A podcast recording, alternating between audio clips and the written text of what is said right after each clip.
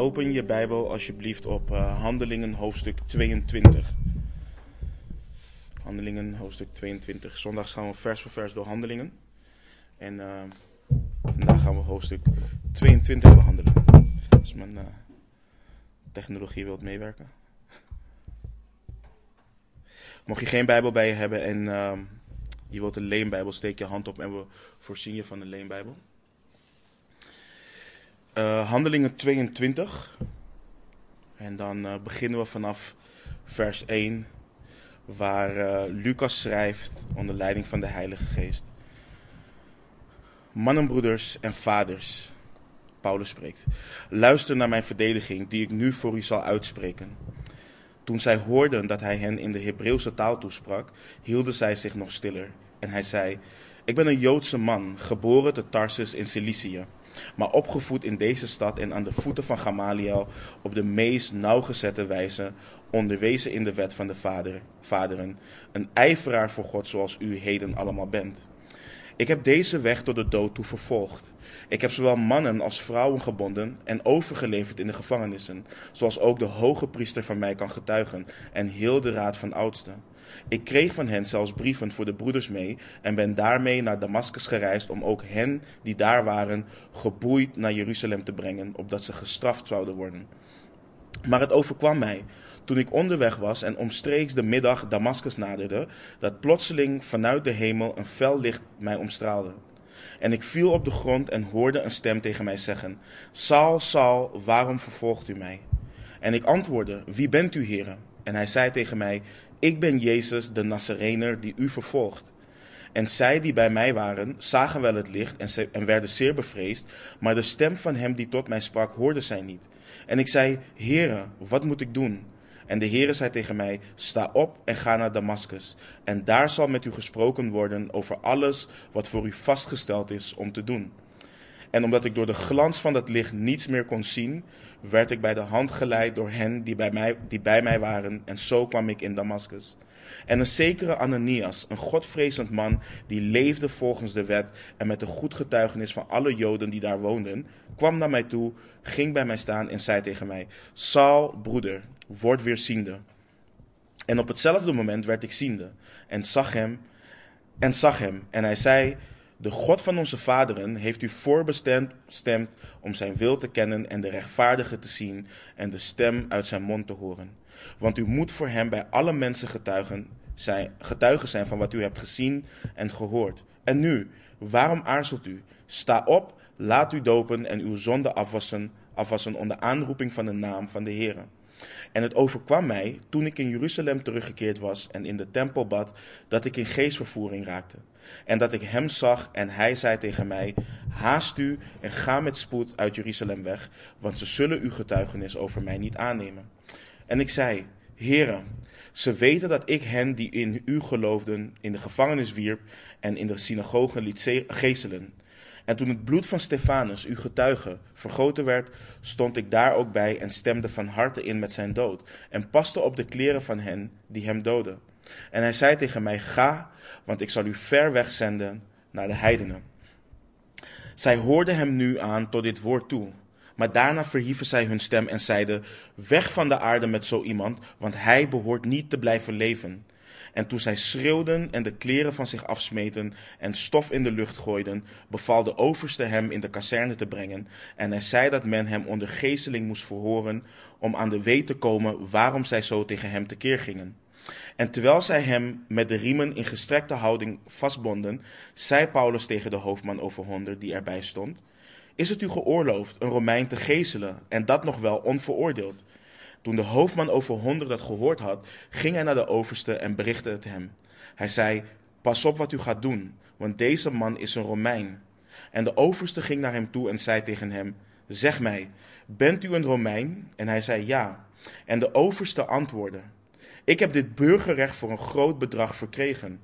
En Paulus zei: Maar ik ben zelfs zo geboren. Meteen lieten zij die hem zouden verhoren hem verder ongemoeid. En ook de overste werd bevreesd toen hij merkte dat hij een Romein was en dat hij hem vastgebonden, uh, had vastgebonden.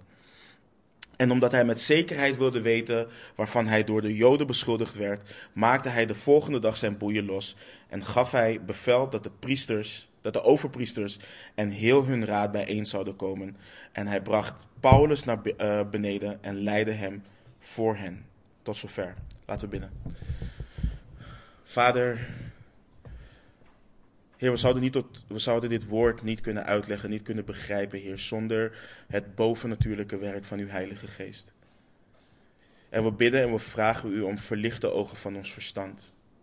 Heer, u weet met wat voor hart wij hier vanochtend zitten.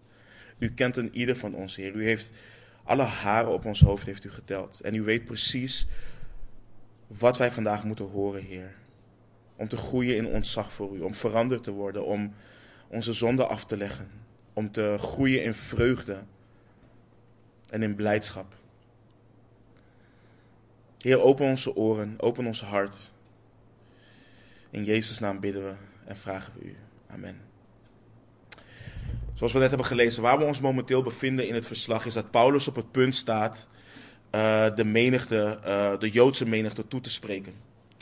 En vorige week hebben we behandeld hoe Paulus in Jeruzalem aankwam en aan Jacobus en de ouderlingen had verteld wat voor groot werk God door zijn bediening had gedaan onder de heidenen. En Jacobus en de ouderlingen prezen de Heer voor het grote werk en uiten vervolgens een zorg aan Paulus. Omdat er een gerucht rondging dat Paulus de Joden onder de heidenen zou leren afvallig te worden van Mozes. Door te zeggen dat zij hun kinderen niet moeten besnijden en ook niet moeten wandelen overeenkomstig de gebruiken van de wet. Ze stelden dus voor, omdat de Joden op een gegeven moment zouden horen dat Paulus in Jeruzalem was, dat hij, om te laten zien dat hij de wet in acht nam, zou betalen voor de offers van vier mannen die de gelofte van de Nazireër hadden afgelegd. Nou, Paulus ging hiermee akkoord. Uh, net, toen de, en net toen de dagen ten einde liepen en het offer gebracht zou worden, zagen enkele Joden uit Azië, waarschijnlijk uit Efeze, pa Paulus in de tempel en begonnen te schreeuwen en brachten daarmee de hele menigte in verwarring. Nou, ze schreeuwden dat, dat het Paulus was uh, die overal onderwijs gaf tegen het volk in, tegen de wet in en tegen de tempel. En daarbij beschuldigden ze hem ervan dat hij een heiden de tempel in had gebracht. Nou, het werd zo'n chaos dat, en, en men probeerde Paulus te doden. En als de overste niet met zijn soldaten was gekomen, dan hadden ze Paulus waarschijnlijk ook gedood. Paulus werd geboeid met twee ketenen en de overste probeerde erachter te komen wie Paulus was en waarom hij de Joden uh, zo kwaad had gemaakt. Hij kreeg geen informatie van de menigte die door elkaar heen schreeuwde en bracht Paulus vervolgens naar de kazerne. Maar Paulus vroeg om de Joden te mogen toespreken en dat is ook waar we ons momenteel bevinden. En vers 40 van hoofdstuk 21 is, ik zei het vorige week ook al, het is een heel bijzonder vers. Want je moet je voorstellen, dat een menigte je net probeerde te doden. En je staat nu op de trap, je geeft een wenk met je handen en het wordt muisstil. En dit is het moment waar Paulus op had gewacht sinds zijn bekering. Volgens veel historici is namelijk op dit moment het boek aan de Romeinen al geschreven. Dus de, de, de, de Romeinenbrief is op dit moment al geschreven. En in hoofdstukken 9 tot en met 11 lees je de liefde niet van alleen God, maar ook wat Paulus, het hart wat Paulus heeft voor zijn Joodse broeders. En in de eerste vijf versen van Romeinen uh, 9 lezen we het volgende, waar Paulus schrijft. Ik spreek de waarheid in Christus. Ik lieg niet. En mijn geweten getuigt mee door de Heilige Geest. Dat een grote bron van droefheid voor mij is dat het een grote bron van droefheid voor mij is en een voortdurende smart voor mijn hart. Want ik zou wel wensen vervloekt te zijn weg van Christus ten gunste van mijn broeders, mijn verwanten van het wat het vlees betreft. Zij zijn immers Israëlieten. En voor hen geldt de aanneming tot kinderen en de heerlijkheid en de verbonden en de wetgeving en de eredienst en de beloften. Tot hen behoren de vaderen en uit hen is wat, betreft, wat het vlees betreft de Christus voortgekomen, die God is boven alles te prijzen tot in eeuwigheid. Amen. Dus dit is het hart van de apostel Paulus. En, en, en dit kennen wij allemaal wel. Uh, zij het gerelateerd aan onze cultuur of het leven wat we hadden voordat we tot Christus kwamen. Dat je die ene kans kon krijgen om te spreken tot die mensen. Want je weet hoe ze denken. Je weet hoe diep en hoe ver hun ijver en liefde ergens voor gaat. Ik heb het bijvoorbeeld voor Curaçao. Ik weet dat Sergio het heeft voor Italië. En zo hebben andere mensen ook voor misschien mensen uit hun eigen cultuur. Maar ook wat ik net al zei, voor het, ehm, het leven wat je hiervoor leidde. En Paulus wist dit precies ook met de Joden. En nu heeft hij een menigte voor zich in Jeruzalem, helemaal stil. En je zou denken dat door al die beschuldigingen, dat Paulus zichzelf zou gaan verdedigen door te zeggen: Ik heb helemaal geen heiden de tempel ingebracht, jullie hebben het mis. Of ik heb Joden helemaal niet geleerd afvallig te worden van de wet. En hij had die route kunnen kiezen. Maar onder leiding van de Heilige Geest doet Paulus dat niet. Hij gebruikt dat ene moment wat hij heeft om die Joden die hij zo goed kent, zijn getuigenis te vertellen. En we zien hier ook de kracht van een getuigenis. En zijn getuigenis draait niet om hem. Als je, als je, als je het goed gaat lezen, het draait alleen maar om God. En zijn getuigenis zit vol Gods genade, zijn Gods barmhartigheid, zijn soevereiniteit.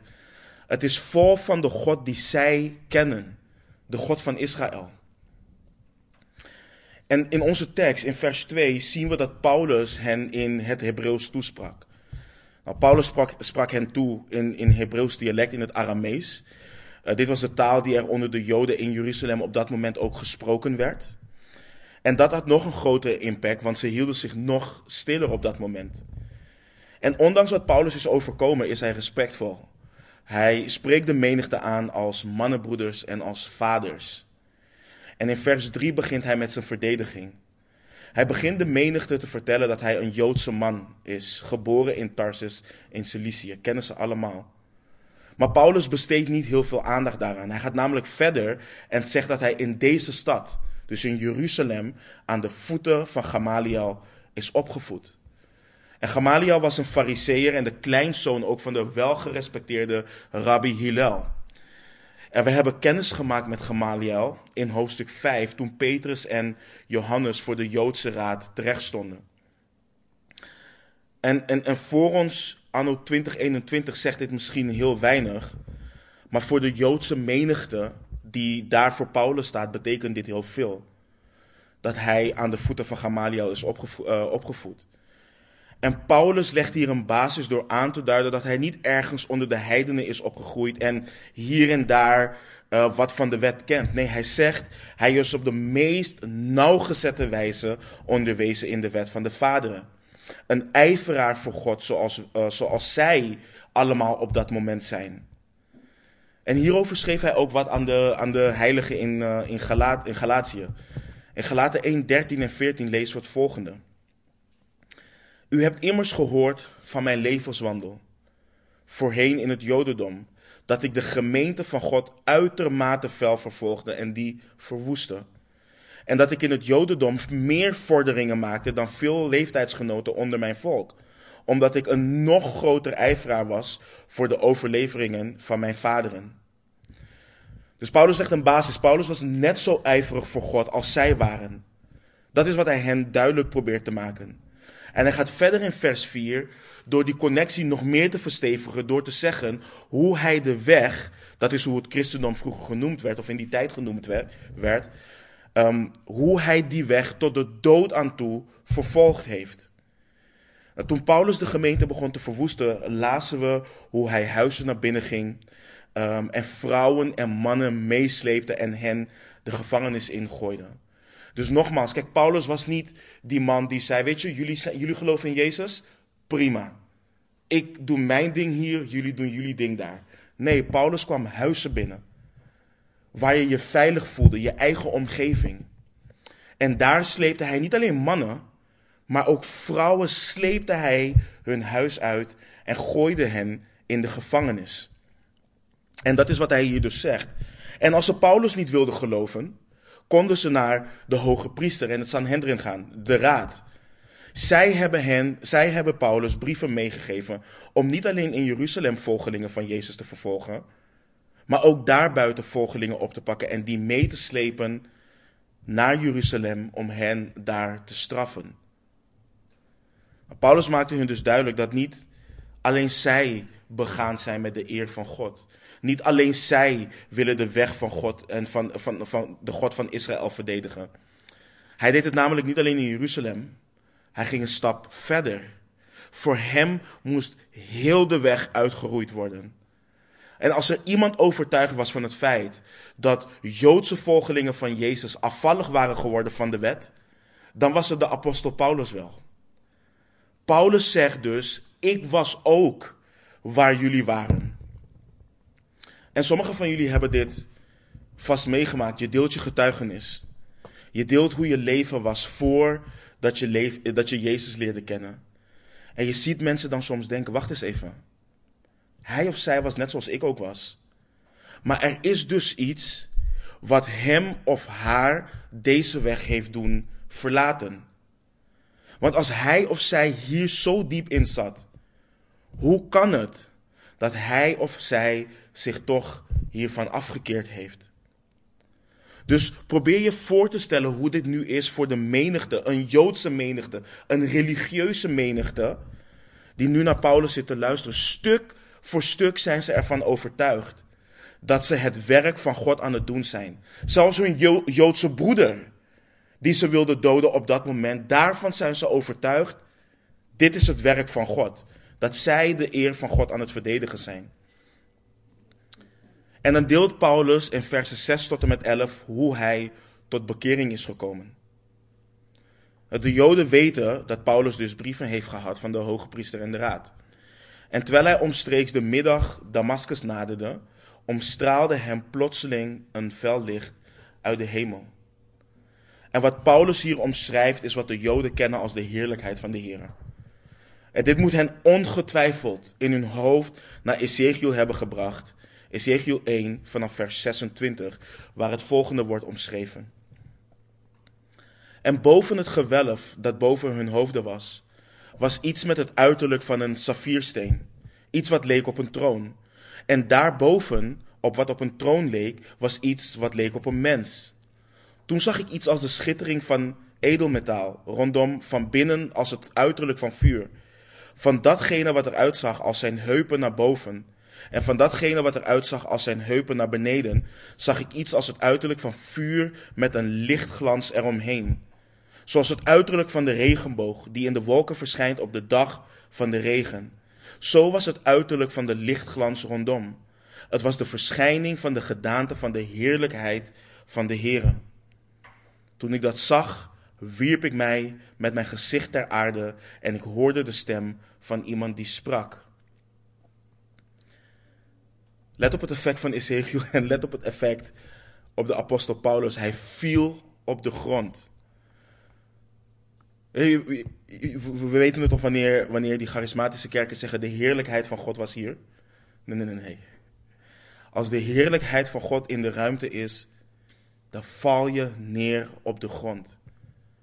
Zo glorieus is God. En Paulus viel vernederd, met ontzag viel hij neer. En terwijl hij daar lag, hoorde hij een stem tegen hem zeggen: Saul, Saul, waarom vervolgt u mij? En Paulus, die doorhad dat hij met iemand te maken had die veel groter was dan hij, uh, dan hij was, vroeg: Wie bent u, heren? En Jezus openbaarde zichzelf aan hem, levend en wel, en hij zei: Ik ben Jezus de Nazarener die u vervolgt.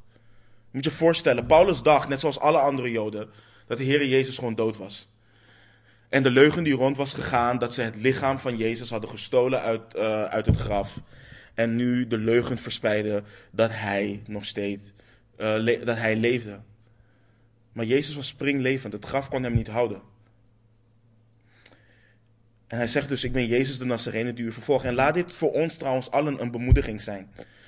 We hebben ook eerder behandeld. Het is de kerk die op dit moment vervolgd werd. En, en de Heere Jezus identificeert zichzelf met de vervolgde. De Heere Jezus is met jou in jouw verdrukking, in jouw lijden en in al jouw pijn. Hij identificeert zichzelf daarmee.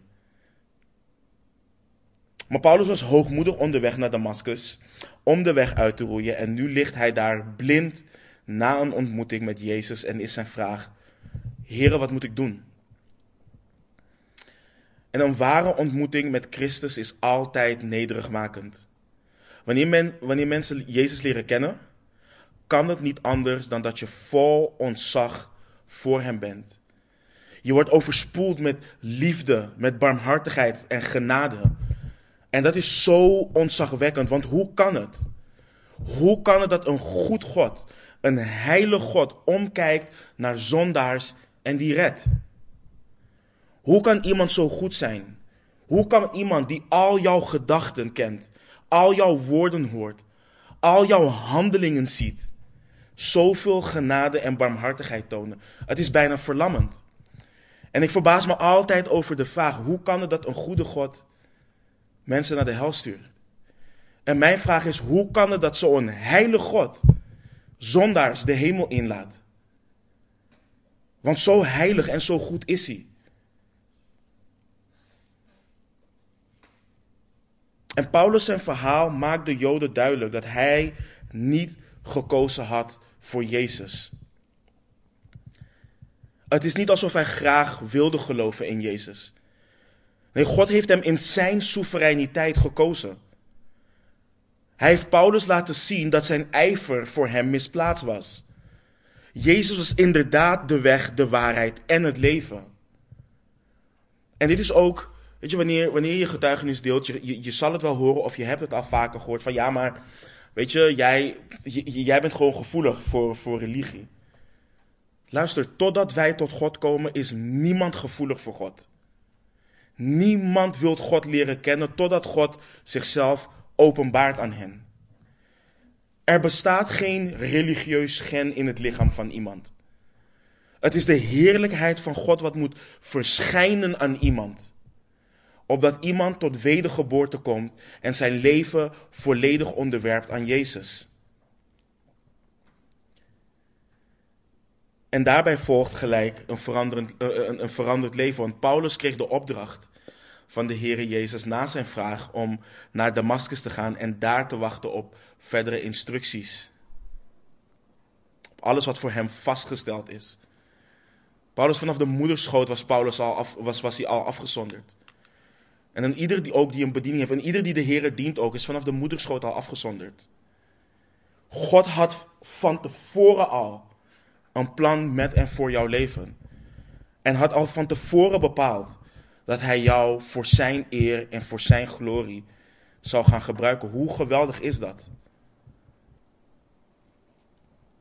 En eenmaal in Damascus aangekomen, lezen we vanaf vers 12 tot en met 16. En, en, en let goed op wat Paulus doet. Paulus benadrukt enkele zaken die juist belangrijk zijn voor de menigte waar, uh, waartegen hij spreekt. Kijk, hij staat niet stil bij het feit, dat we, dat hadden we gelezen natuurlijk in, in, uh, in, tijdens zijn bekering, dat Ananias tegenstribbelde en niet naar Paulus toe wilde gaan. Hij staat daar niet bij, bij stil. Hij zegt dat Ananias een godvrezend man was. Ananias was een vroom man. Hij nam de wet in acht. Hij hield vast aan wat goed was. Hij had ontzag voor de overleveringen van God. En dan zegt Paulus dat hij een goed getuigenis had van alle Joden die daar in Damascus woonden. Deze man kwam naar Paulus en gaf Paulus zijn zicht weer terug. En in vers 14 lezen we iets interessants. Want door daar te verkondigen wat Ananias tegen hem zei, laat hij duidelijk weten: kijk, ik aanbid geen andere God. Ananias zegt tegen, tegen Paulus: de God van onze vaderen. De Joden weten precies wie Paulus hiermee bedoelt. Dit is de God van Abraham, de God van Isaac, de God van Jacob. Zij weten hier direct dat dit gaat om de God waar zij ijverig voor zijn. Dit is de God van Israël. De God die een verbond heeft gesloten met Abraham en dat verbond bevestigd heeft aan Isaac en Jacob. De God die het volk heeft geleid uit Egypte en een groot en talrijk volk heeft gemaakt en het beloofde land heeft gegeven. De volgelingen van Jezus aanbidden deze God. Dat is wat hij hiermee duidelijk maakt. En let op hoe Ananias Jezus noemt, de rechtvaardige. En dit moet als een bom zijn ingeslagen voor deze Joden. Want ze weten wat dit betekent. Want dit komt overeen met hoe de profeten over de komende Messias heeft gesproken. Jesaja 53:11 bijvoorbeeld leest als volgt.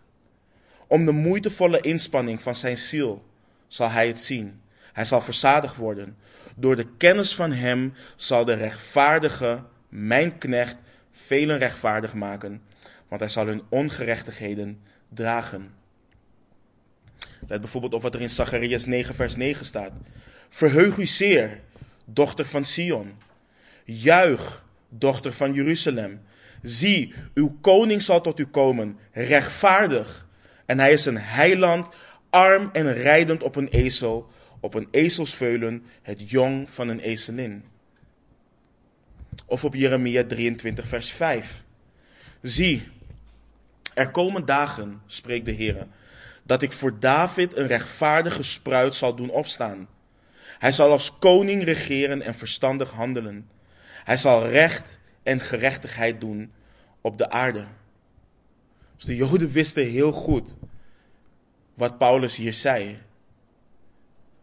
En van hem moest Paulus getuigen, wat, wat overeenkomt met de opdracht die de discipelen ook hebben ontvangen in Handelingen 1, vers 8. En Ananias riep Paulus op om zich te laten dopen. En Paulus reageerde daarop door, door zich te laten dopen.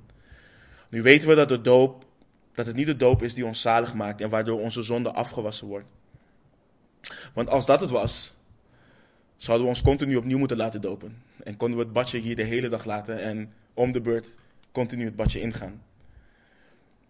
Is, maar wat, wat Ananias doet is interessant. Kijk, het is het aanroepen van de naam van de Heer wat ons zalig maakt.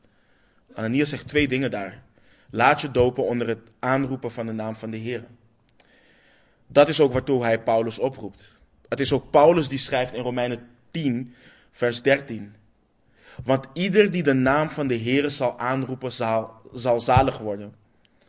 Dus wat we hier lezen is dat wanneer, de naam van de wanneer we de naam van de Heer oproepen, wanneer we uh, aanroepen, wanneer we tot bekering zijn gekomen, tot reddend geloof, dan laten we ons dopen als een zichtbaar uiterlijk teken van wat de Heer van binnen heeft gedaan. Het is niet de doop waardoor onze zonden worden afgewassen. En de apostel Johannes en de auteur van de brief aan de Hebreeën schrijven over wat ons echt schoon was. In 1 Johannes 1, vers 7 lezen we bijvoorbeeld het volgende. Maar als wij in het licht wandelen, zoals Hij in het licht is, hebben wij gemeenschap met elkaar en het bloed van Jezus Christus, zijn Zoon, reinigt ons van, al, van alle zonde. In Hebreeën 10, vers 19 tot en met 21 lezen we, omdat wij nu, broeders, vrijmoedigheid hebben om in te gaan in het heiligdom door het bloed van Jezus langs een nieuwe en levende weg die Hij voor ons heeft ingewijd door het voorhangsel, dat is door Zijn vlees. En omdat wij een grote priester hebben over het huis van God, laten wij tot Hem naderen met een waarachtig hart, in volle zekerheid van het geloof, van het geloof, nu ons hart gereinigd is van een slecht geweten en ons lichaam gewassen is met rein water. Nu is het niet zo dat de doop optioneel is. Het is een opdracht om je te laten dopen. En misschien ook goed om te weten, wij hebben hier, heel veel gemeentes doen het wel, maar wij hebben hier geen vaste data en vaste doopmomenten om gedoopt te worden. Als jij vandaag aangeeft gedoopt te willen worden, dan zorgen we dat hier volgende week een badje is en dan ga je kopje onder. Dat is heel simpel, dat is hoe we het doen. Um, en als je echt niet kunt wachten, dan gaan we dan zoeken we ergens een slootje of een, uh, uh, een badkuip en dan kun je gelijk gedoopt worden. We hebben hier geen vaste momenten en dat soort dingen. Uh, maar, Paul, maar, wat Paulus hier vertelde, betekende veel voor de menigte die naar hem luisterde. Je moet je voorstellen, en ik heb dat al eerder gezegd, dopen was niet iets wat de Joden deden. Als je een heiden was en je wilde je bekeren tot het Jodendom, dan moest je je laten dopen. Want de Joden die waren, of die vonden zichzelf rechtvaardig op basis van het feit dat ze kinderen van Abraham waren. Dat ze besneden waren, dat ze zich hielden aan de wet. Dus het feit dat een fariseer der fariseeën, een Hebreeër van de Hebreeën, een man die aan de voeten van Gamaliel is opgevoed, dat hij zich laat dopen voor de afwassing van zijn zonde, dat betekent heel veel. Dat is niet niets wat Paulus daar tegen hen zegt. En voor ons, wij zijn hier in het Westen, wij zijn geen Joden. voor ons, wij, wij snappen de impact hiervan niet. Maar voor de Joden is dit echt iets groots wat Paulus zegt. Want we hadden net al gelezen dat Paulus meer vorderingen maakte dan anderen, dan veel, dan, dan veel leeftijdsgenoten onder zijn volk. Omdat hij nog, een nog groter ijveraar was voor de overleveringen van zijn vader. En alles wat Paulus zegt, brengt dus een groot probleem voor de Joden met zich mee. Want zelfs de apostel Paulus stond niet rechtvaardig voor God. Wat voor hoop hadden de mensen dan waartegen Paulus op dat moment aan het spreken was? Voor hen geldt net, zo, God net zoals voor een ieder die niet in Christus is, dat zij dood waren in hun overtredingen en hun zonden dat ze leefden overeenkomstig de leefwijze van de wereld, overeenkomstig de wil van de aanvoerder van de macht in de lucht, van de geest die nu werkzaam is in de kinderen van de ongehoorzaamheid. Dat ze verkeerden in de begeerte van hun vlees en dat ze op dat moment door de wil van het vlees en de gedachten te doen, kinderen des toorns waren. En Paulus schreef over zichzelf ook in 1 Timotheus 12, in 1 Timotheus 1 versen 12 en 13. En ik dank Hem die mij kracht gegeven heeft, namelijk Christus Jezus, onze Heer, dat Hij me trouw geacht heeft toen Hij me een plaats in de bediening gaf, gaf in de bediening. Mij, die vroeger een godslasteraar was, een vervolger en een verdrukker. Maar mij is barmhartigheid bewezen, omdat ik het in onwetendheid gedaan heb, in ongeloof. Hoe ijverig deze mannen ook waren voor God, en dachten dat de apostel Paulus een godslasteraar was, waren zij dat. Het is niet Paulus die terecht stond, zij stonden terecht. En wat Paulus hier aan het doen was, was pleiten voor hun ziel. Deze Joden hadden heel goed door wat Paulus hen duidelijk maakte. Jullie zitten in het schuitje waar ik in zat. Ook jullie moeten dus zalig worden. Ook jullie moeten de naam van de Heer aanroepen en gedoopt worden om jullie zonde van jullie af te, van jullie af te laten wassen. En in vers, vers 17 tot en met 21 gaat Paulus verder en dan ligt de nadruk op zijn bediening tot de heidenen. En we hebben in het verleden behandeld dat Paulus na zijn bekering niet direct terug is gegaan naar Jeruzalem, maar dat, dat, maar dat daar zo'n drie jaar tussen zat na zijn ontmoeting met de Heer. We lezen ook aan de, aan de uh, Galaten, uh, in Galaten 1 vers 15 tot met 18. Maar toen het God, die mij vanaf de, moeder, die, die mij vanaf de buik van mijn moeder heeft afgezonderd en geroepen door zijn genade behaagde, uh, door zijn genade behaagde zijn zoon in mij te openbaren, opdat ik hem door het evangelie onder de heidenen zou verkondigen, ging ik meteen niet te raden bij vlees en bloed. En ging ik ook niet naar Jeruzalem, naar hen die al voor mij apostel waren. Maar ik vertrok naar Arabië, Arabië en keerde weer terug naar Damascus. Daarna, drie jaar later, ging ik naar Jeruzalem om Petrus te bezoeken en ik bleef vijftien dagen bij hem. En waarom is dit zo significant? Omdat het ons laat zien dat drie jaar na zijn bekering Paulus nog steeds de tempel inging om te bidden. Paulus zag in dat het bidden in de tempel en zich houden aan de wetten niet in strijd was, uh, waren met zijn vrijheid in Christus. Paulus had juist door dat Christus de vervulling was van die wetten. En dat gaf het juist een diepere betekenis. We zagen bijvoorbeeld ook in Handelingen 4 hoe Petrus en Johannes ook nog steeds naar de tempel gingen op, uh, tijdens de uren van het gebed. En, en zo ook wanneer je naar de feesten kijkt in het Oude Testament. Wanneer je ziet hoe dat allemaal wijst naar Christus. Geeft dat alleen maar een rijkere betekenis en meer waardering voor wat God heeft overgeleverd. Bijvoorbeeld vaak wanneer we kijken naar de bouw van de tabernakel. Of um, het priestergewaad van Aaron. In eerste instantie kun je denken... ik weet nog toen ik net tot bekering was gekomen. Ik viel gewoon in slaap tijdens het lezen van die dingen. Want ik snapte het niet. Maar wanneer je leert hoe dat allemaal wijst naar Christus, naar de komende Messias, dan lees je met ontzag van wat God al duizenden jaren heeft overgeleverd om te wijzen naar Hem die Hij zou zenden door, uh, door Israël heen. Maar het ding is, Paulus wist dat deze wetten en feesten hem niet zalig konden maken, maar dat ze wezen dus naar hem die komen zou, namelijk de Messias. En Paulus vertelt dus hoe hij in geestvervoering raakte terwijl hij bad in de tempel. En daarbij vertelt hij hoe hij zijn bediening eerder door Ananias gehoord, nu door de Heere Jezus Christus zelf wordt bevestigd. Hij moest Jeruzalem verlaten omdat de Joden zijn getuigenis niet zouden aannemen.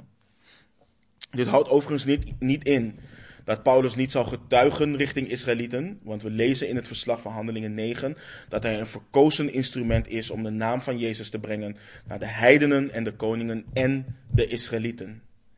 En in Handelingen zien we ook hoe er Joden zijn die wel, die, die wel geloven en velen die natuurlijk ongehoorzaam blijven. En ik kan me niet voorstellen hoe ontmoedigd Paulus zijn bediening was begonnen. Een ijver, um, een ijver voor, uh, de, voor, de, voor, de, voor zijn volk, een liefde voor zijn volk. Maar de Heere zegt bij zijn roeping al, bij voorbaat, ze zullen je getuigenis niet aannemen. Dat dat doet ook denken aan hoe de roeping van de profeet Jesaja werd bevestigd in Jesaja 6. Maar hij al bij voorbaat te horen kreeg dat de Israëlieten niet zouden luisteren. En Paulus laat in zijn antwoord aan de Heeren weten dat als ze iemands getuigenis, dus daar wilde hij ergens de Heeren kanselen, dat als, ze, dat als iemand zijn getuigenis wel zou moeten aannemen, dat, ze als, dat als de Joden iemands getuigenis wel zouden moeten aannemen, dat het zijn getuigenis wel zou moeten zijn. Ze wisten immers van zijn ijver en van alles wat hij deed om de discipelen van Christus te vervolgen. En soms denken wij dat zelf ook, hè? Uh, maar hier zie je, het is God in die, in, die in zijn soevereiniteit bepaalt hoe en waar we zullen dienen en hoe en waar we zullen getuigen. Het is niet omdat we uit een bepaalde wereld komen, um, het ook betekent dat we ook daar gebruikt zullen worden, uh, of juist daar gehoord zullen worden. De Heere Jezus maakt duidelijk: ga, want ik zal u ver weg zenden naar de heidenen. En Paulus maakt hier duidelijk aan de menigte dat hij het niet zelf heeft verzonnen om naar de heidenen te gaan. Het is niet een plan wat uit zijn koker kwam. En we hadden dit ook gezien bij de apostel Petrus. Wat voor weerstand hij ook had. En hoe hij ook in een visioen duidelijk gemaakt moest worden. Dat hij niets onrein kan noemen wat de Heere rein noemt. En als de apostel Petrus, een visser, zich al verzette. Hoe zou een fariseer die zich strikt aan de wet hield, zelf verzinnen om naar de heidenen te gaan en hen te verzoenen met God, zonder hen eerst tot bekering te brengen tot het jodendom en vervolgens volgelingen van Jezus te maken? En het is jammer, omdat God het volk Israël ook had uitgekozen om een licht te zijn in de wereld. Hij had hen geroepen om zijn getuige te zijn. En dat is eigenlijk wat we zagen gebeuren door de apostelen heen. Maar het probleem met religie gemaakt door mensen is dat het altijd verder gaat dan wat God heeft bedoeld. Of dat het altijd afwijkt van wat God heeft bedoeld. Want God wilde de Joden nooit redden door de wet. Het was nooit zijn bedoeling om mensen te redden door de wet. Hetzelfde wanneer we ook kijken naar bijvoorbeeld uh, het Oude Testament, als je, als je Deuteronomium leest. Of puur Exodus. Ze worden eerst bevrijd en dan worden ze opgeroepen tot gehoorzaamheid. Dan krijgen ze de wet. En ook zo reageren wij, die gered worden, uit reactie, dus als, als reactie op zijn liefde, gehoorzamen wij de Heer. We gehoorzamen niet om gered te worden, we gehoorzamen omdat we gered zijn.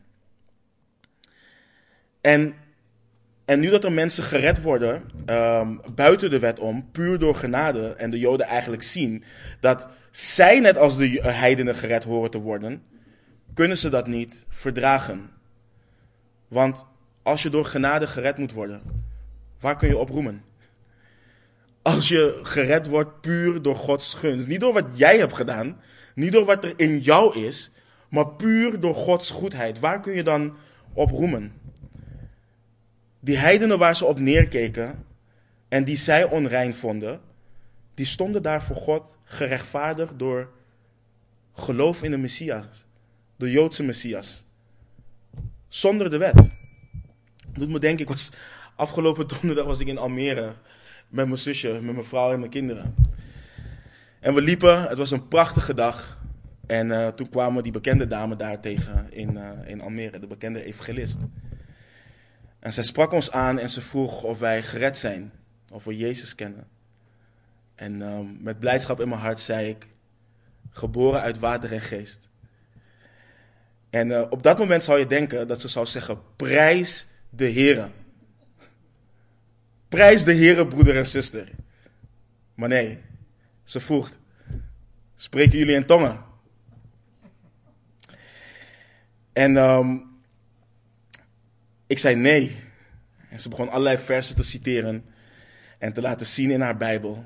En wij zeiden, maar ja, dat vers wat je laat zien, lees een vers verder.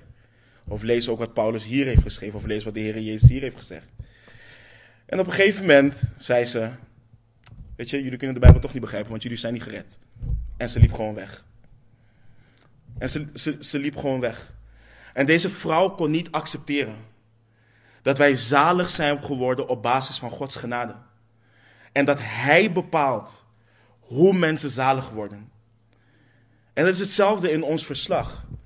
Het ging hen niet eens om het feit dat deze heidenen zalig zijn geworden. Daar prezen ze God niet voor. Het ging hen om de manier. Want zij hebben zich jaren aan de wet gehouden. Zij hielden zich iedere zaterdag aan de sabbat. Zij moesten zoveel bokken, rammen en al die dingen slachten. En daar komt die onreine heiden en die roept de naam van Jezus aan. En hij mag het koninkrijk van God binnengaan. Hoe kan dat? En zo hetzelfde ook met die mevrouw. Die heeft de geest gesmeekt om de gave van tongen. En dat is het bewijs dat ze gered is. En dat is het probleem met religie gemaakt door mensen. Dat is het probleem wanneer mensen zelf gaan bepalen hoe en wanneer ze rechtvaardig zijn. Hoe en wanneer ze rechtvaardig voor God staan. Wanneer het gaat om hun manier. Want dan kunnen ze roemen. En dan krijgen zij de eer en de glorie en niet God. Het gaat om de manier waarop zij zich comfortabel voelen. En die zij hebben bepaald. En de reactie laat het zien, net zoals die mevrouw die ons achter heeft gelaten in onze verdoemenis. Want ik denk, als ik dan niet gered ben, waarom loop je weg? Vertel me het evangelie. Maar nee, dan lezen we vanaf vers 22 hun reactie. Let op hoe het verhard hart reageert op geestelijke waarheid. Want ze hebben aandachtig geluisterd tot aan dit punt. Tot het moment dat hij begon over de heidenen. En zo is het altijd met het delen van je getuigenis of het evangelie. Er is altijd een punt. Wat het hart, wat de pijn, wat de zonde, wat mensen niet willen afleggen, laat zien. En bij deze mensen was het Gods gunst aan de heidenen. Want Paulus heeft hen duidelijk gemaakt dat hij zich niet van de wet heeft afgekeerd. Hij heeft niet tegen het volk ingesproken of tegen de tempel. En geen enkele Joodse volgeling van Jezus doet dat, heeft hij, en dat heeft hij laten zien door het over Ananias te hebben. Maar het feit dat God zijn genade en barmhartigheid over de heidenen zal uitstorten, dat ging hen te ver. En dit is ook hoe de menigte reageerde op de Heer Jezus in Lucas 4, uh, toen hij verworpen werd in Nazareth. Let op uh, wat er staat vanaf vers 24 in Lucas 4. Hij zei, voorwaar, ik zeg u dat geen profeet welgevallig is in, uh, is in zijn vaderstad. Maar ik zeg u naar waarheid, er waren veel weduwen in Israël in de dagen van Elia. Toen de, toen de hemel drie jaar en zes maanden gesloten was, zodat er grote hongersnood kwam over heel het land. En naar geen van hen werd Elia gezonden, maar wel naar Sarfat bij Sidon, naar een vrouw, een weduwe. Ook waren er veel melaatsen in Israël in de tijd van de profeet Elisa. En geen van hen werd gereinigd, maar wel na Naaman, de Syriër. En allen Allen in de synagoge werden met woede vervuld toen zij dit hoorden.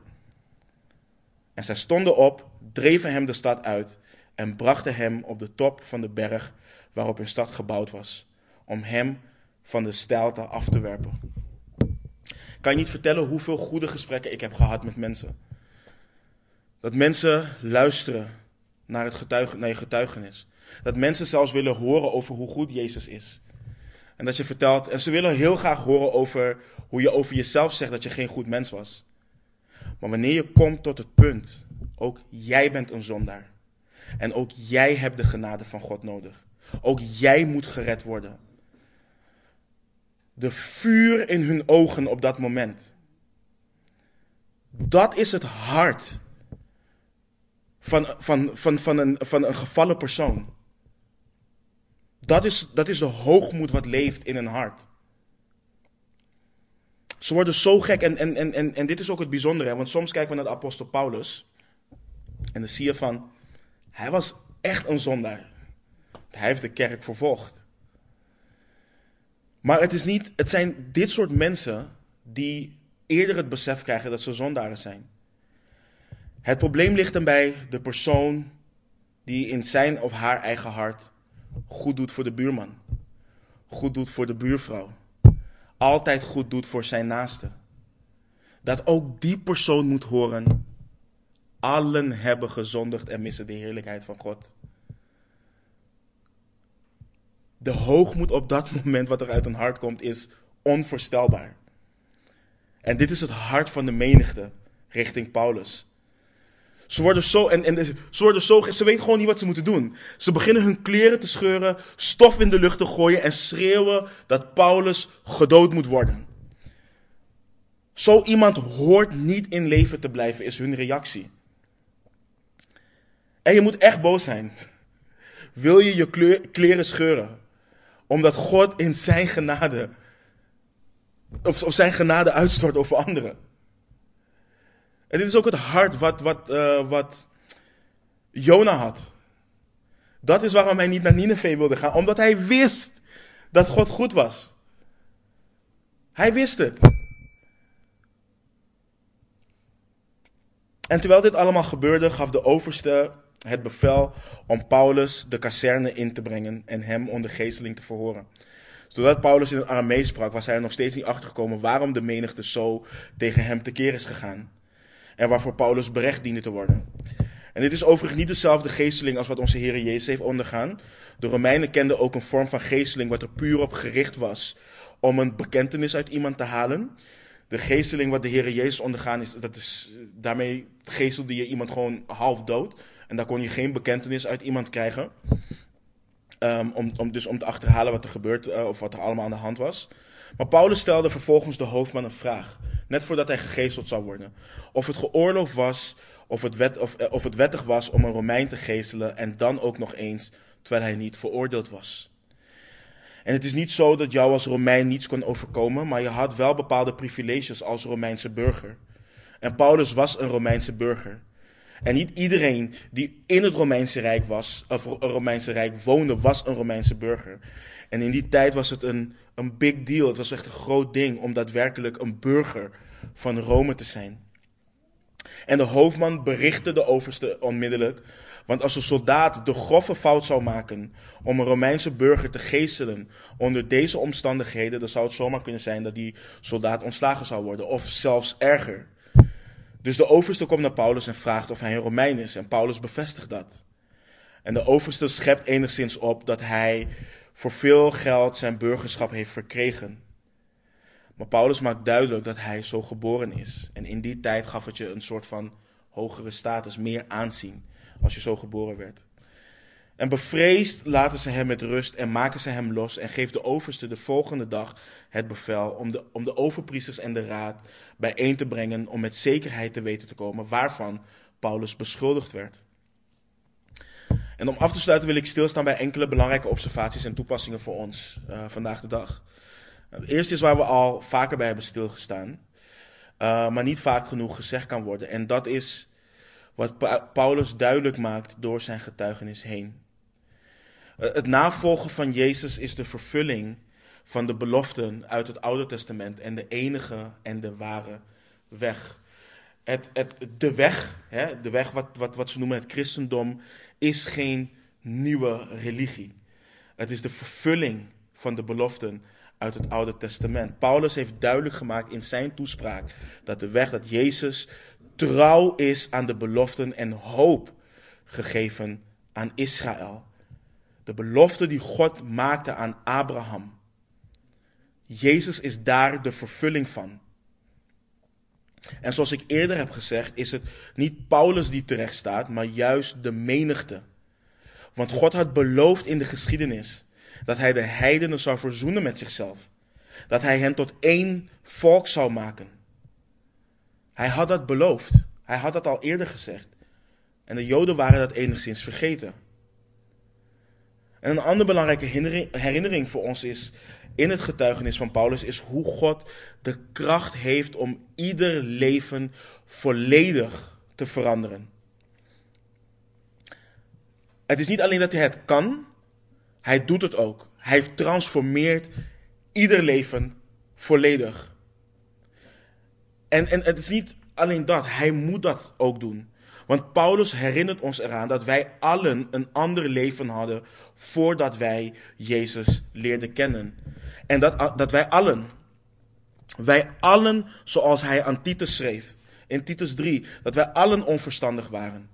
Ongehoorzaam, dwalend, verslaafd. Verslaafd aan allerlei begeerten en hartstochten. We leefden allen in slechtheid en in afgunst.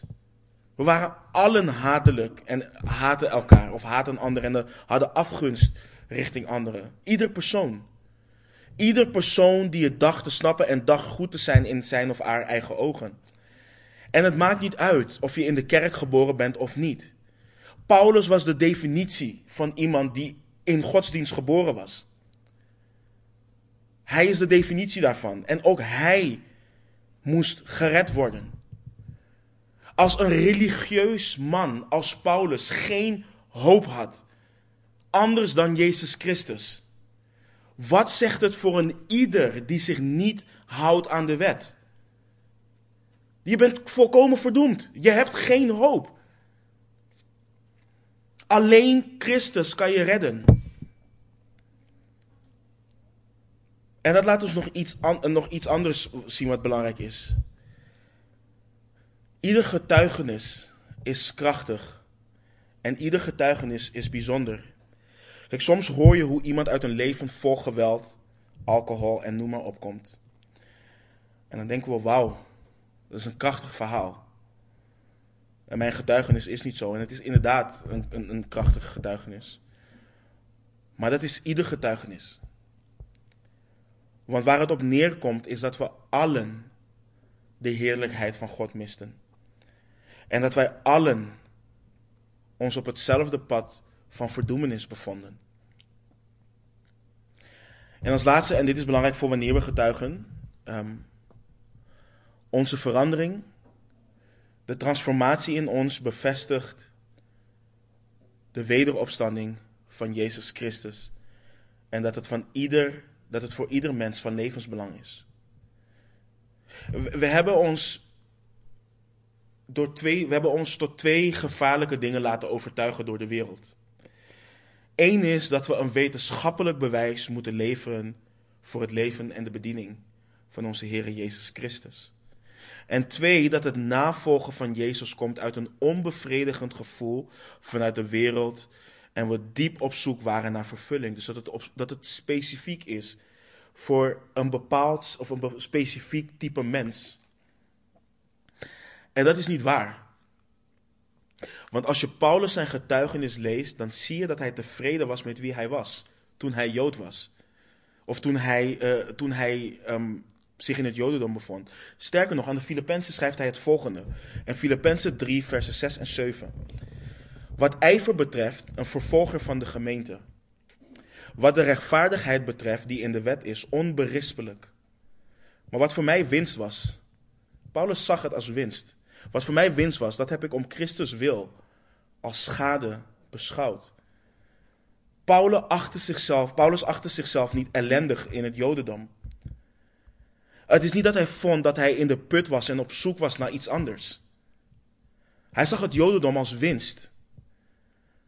Dus als Paulus daardoor niet gedreven werd, als hij zich niet ellendig voelde, zelfs niet door de dood van Stefanus, om dat maar even op te noemen, of de mensen die hij vervolgd had, Paulus lag daar niet wakker van. Dus als dat het niet was, wat heeft er dan voor gezorgd dat hij zo radicaal veranderd was en Jezus is gaan navolgen?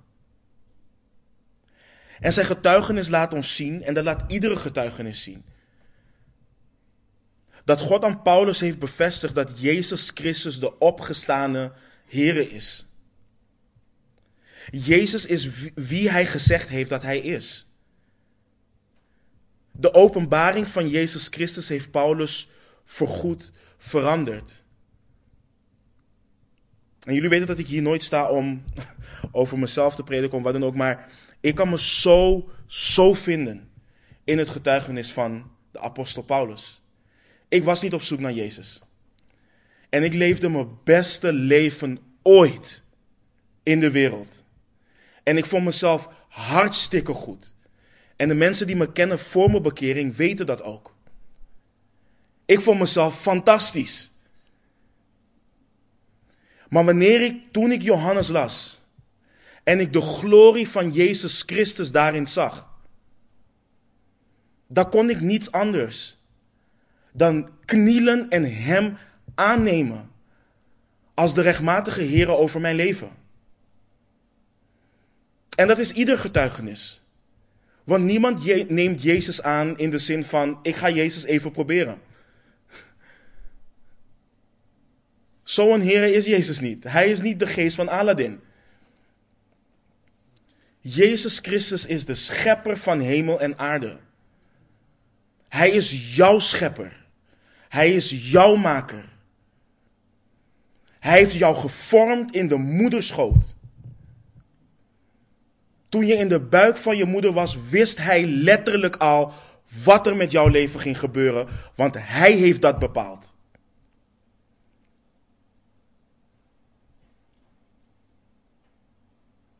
Hij is niet alleen voor hen die door moeilijkheden gaan. Allen hebben Jezus Christus nodig. Allen hebben dorst. Allen zijn vermoeid en belast. Allen hebben rust voor hun ziel nodig.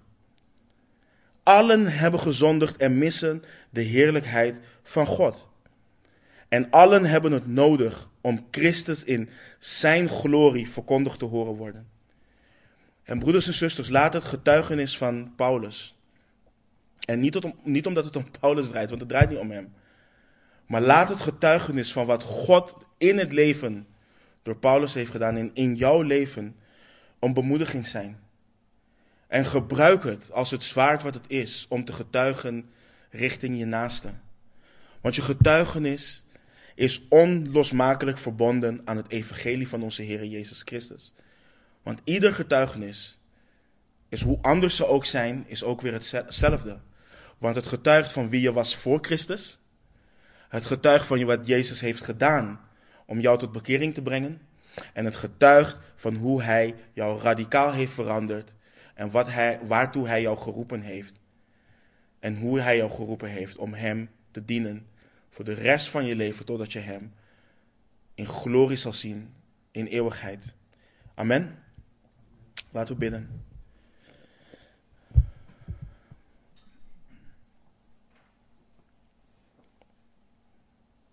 Heren,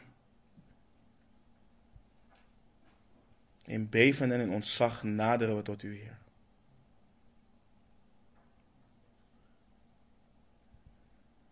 Vader, het is ongelooflijk, onvoorstelbaar hoe goed u bent, Heer. Heer, dat u de dingen doet die ons verstand te boven gaan. Heer, dat u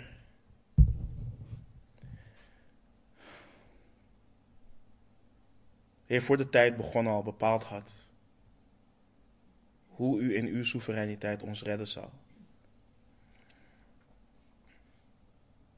Heer, dat u in uw wijsheid bepaald heeft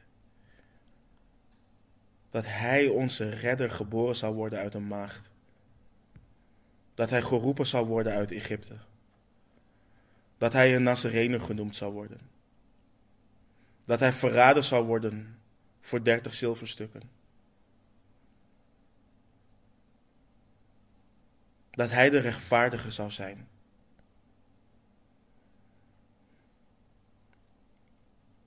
Dat hij in Bethlehem geboren zou worden.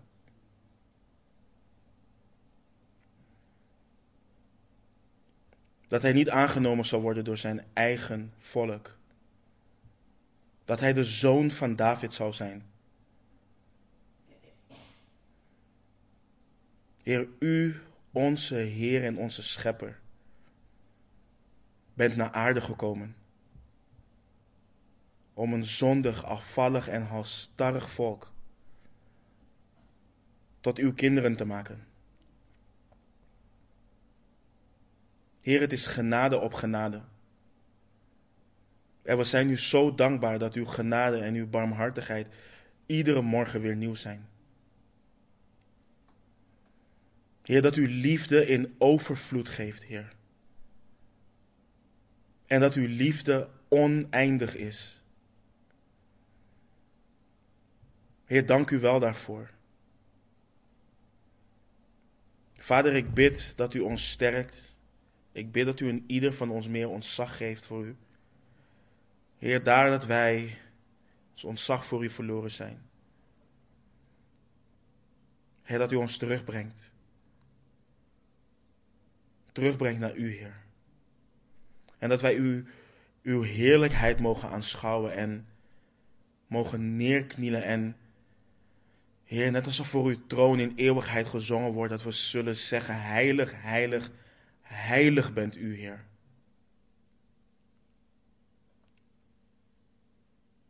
Heer, we danken u, we loven en prijzen uw naam en we houden van u, Heer. In Jezus' naam. Amen.